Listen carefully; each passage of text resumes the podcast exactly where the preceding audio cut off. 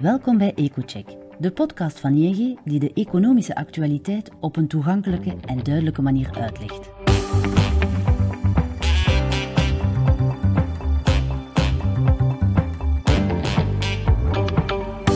Om de twee weken buigen onze economen zich over de meest besproken gebeurtenis en analyseren zij de economische en financiële gevolgen voor u of uw onderneming. Vandaag is uw gastheer Wouter Thierry, econoom bij ING.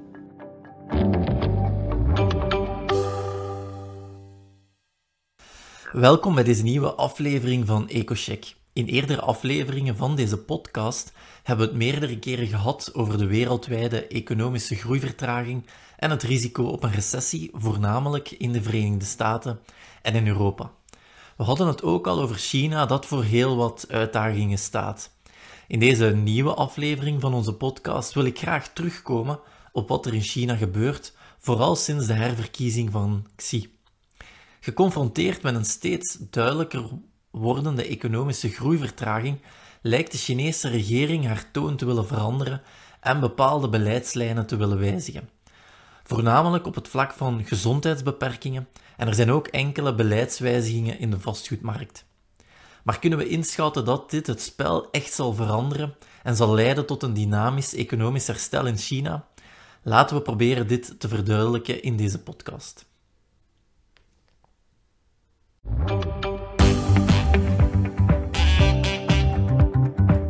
We luisteren naar de analyse van Wouter. China gaat al maanden door een turbulente economische periode. De voornaamste reden is natuurlijk de COVID-pandemie en de wens van Chinese leiders om het virus te bestrijden met een zero-COVID-strategie. Dit vertaalt zich in zeer strenge gezondheidsbeperkingen, zoals geïllustreerd door de strikte lockdown van Shanghai in april en alle lokale lockdowns die nadien nog zijn gevolgd. Er wordt massaal getest in het land en de reisbeperkingen zijn zeer streng. Fabrieken moeten regelmatig sluiten na de ontdekking van nieuwe positieve COVID-besmettingen. Om de impact van de gezondheidsmaatregelen te beperken, is er bovendien weinig inkomens- en vraagondersteunend beleid gevoerd in China. Als gevolg hiervan is de binnenlandse vraag erg zwak. Dit is vooral duidelijk als we kijken naar de Chinese inflatiecijfers. Terwijl alle andere grote economieën in de wereld het afgelopen jaar te maken hebben gehad met stijgende prijzen, is de inflatie in China zeer gematigd gebleven. In oktober stegen de prijzen met 2,1% ten opzichte van vorig jaar, een lager cijfer dan verwacht. Bovendien daalden de Chinese producentenprijzen in oktober met 1,3% op jaarbasis. De producentenprijsindex meet de prijsevolutie van grondstoffen en inputkosten. En de daling impliceert dat er zeer weinig inflatie in de pijplijn zit in China. Naast de vertraging van de binnenlandse vraag is er uiteraard de economische groeivertraging in de Verenigde Staten en Europa en de goed gevulde voorraden, die leiden tot een scherpe daling van de buitenlandse orders voor Chinese producten.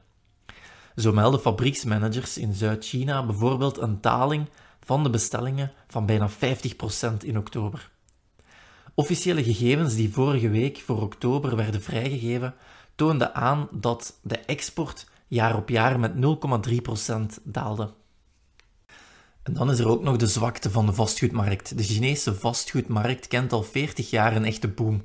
De huizenprijzen zijn er veel sneller gestegen dan het BBP, wat geleid heeft tot speculatie, tot overcapaciteit en een steeds grotere schuldenlast. Geconfronteerd met de angst van een uit de hand lopende zeebel, heeft president Xi sinds vorig jaar een hele reeks maatregelen genomen om de schuldenlast van de sector te beperken. Als gevolg hiervan zijn ontwikkelaars failliet gegaan en lopen heel wat andere ontwikkelaars een ernstig risico om failliet te gaan. De vraag van huishoudens naar woning is ingestort en de vastgoedprijzen zijn de afgelopen 13 maanden gedaald. De verkoop van nieuwe woningen bij de grootste ontwikkelaars daalde in oktober met bijna 30%. En dit begint de financiën van de lokale overheden onder druk te zetten en brengt ook risico's met zich mee voor de financiële stabiliteit van het land. Daarnaast zijn er ook tekenen van toenemende sociale instabiliteit. Honderdduizenden eigenaren van appartementen in aanbouw in bijna 100 steden in China hebben de afgelopen maanden hun hypotheekterugbetalingen geboycott. Het probleem is dat de vastgoed- en de bouwsector een grote bijdrage leveren aan de groei van het Chinese bbp. De zwakte hiervan, gecombineerd met het strikte zero-covid-beleid dat de regering voert en de wereldwijde economische groeivertraging, leiden er daarom toe dat de economische groei in China sterk vertraagde. Het bbp groeide in het derde kwartaal met 3,9% op jaarbasis, wat ruim onder de groeidoelstelling van de regering ligt, die 5,5% voor het hele jaar ambieert. Het was in deze zeer moeilijke context dat Xi in oktober werd herverkozen voor een derde termijn als hoofd van het land.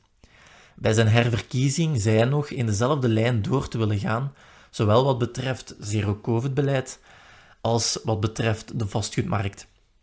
Maar we zien toch dat ja, de afgelopen dagen de situatie uh, wat veranderd is. Terwijl vorige week Chinese politici geruchten over de versoepeling van gezondheidsbeperkingen ontkenden, werd uiteindelijk op 11 november een beperkte versoepeling van bepaalde maatregelen aangekondigd. Zo wordt bijvoorbeeld de quarantaineduur na een reis of bij contact met een besmet iemand ingekort. Heel wat andere maatregelen blijven onveranderd. Daarom moet deze ontwikkeling niet worden gezien als een stopzetting van de zero-covid-strategie, maar eerder als een kleine versoepeling, die misschien de eerste in een hele reeks zou kunnen worden. Het toont aan dat de zwakke groei in China waarschijnlijk een probleem begint te worden voor de Chinese leiders en dat ze bereid zijn hun beleid aan te passen om die groei te ondersteunen. Afgelopen weekend kwam er dan nog een tweede bewijs van een beperkte ommekeer, deze keer in de vastgoedmarkt. Er zullen maatregelen worden genomen om de vraag naar en het aanbod van woningen te ondersteunen, waaronder een verlenging van de leningen en een uitstel van de deadline waarbinnen ontwikkelaars hun schulden moeten aflossen.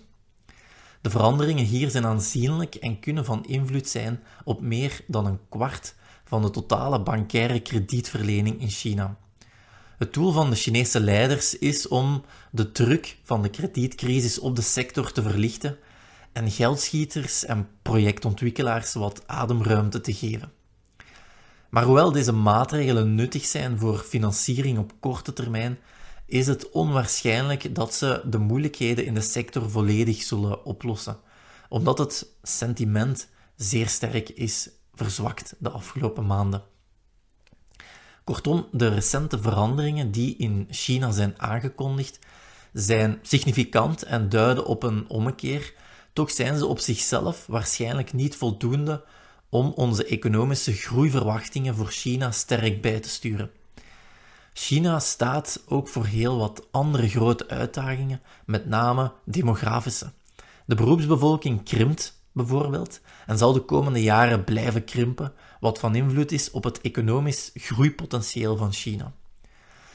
Uiteindelijk kunnen we besluiten dat China nog steeds voor een moeilijke periode staat en dat er nog heel wat uitdagingen op haar wachten.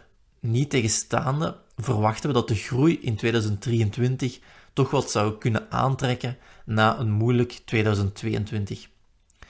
Voor ons Europeanen is dit belangrijk om te volgen. Gezien de zwakke groei in China kunnen we minder als anders rekenen op een sterke vraag vanuit China om te herstellen na de recessie die de komende maanden in Europa wordt verwacht. Dit zou het economisch herstel in Europa wat kunnen vertragen, en vooral in Duitsland. Daarbovenop heeft de zwakte van China op dit moment een positief effect op de inflatie. Aangezien China als werelds, werelds grootste grondstoffenimporteur vooral bouwmaterialen, heeft de zwakke Chinese vraag ertoe geleid dat de wereldgrondstoffenprijzen recentelijk zijn gedaald. Ten slotte heeft China de afgelopen maanden veel minder vloeibaar gas ingevoerd dan gebruikelijk, waardoor het voor Europa gemakkelijker was om zijn gasreserves aan te vullen. Dus een krachtig Chinees herstel zou ook wel wat negatieve gevolgen kunnen hebben voor Europa, zoals een nieuwe opwaartse druk op de grondstoffenprijzen en zou het voor Europa moeilijker kunnen maken om vloeibaar gas in te voeren. We komen op deze onderwerpen en nog veel meer terug in toekomstige edities van onze podcast. Bedankt voor het luisteren en tot snel. Zo, dit is het voor vandaag. Bedankt om te luisteren naar deze aflevering. Aarzel niet om onze EcoCheck podcast te volgen, zodat u geen enkele aflevering hoeft te missen. Wilt u meer weten over economisch en financieel nieuws? Ga dan naar ing.be-mijn-nieuws en ontdek alle analyses van onze econoom.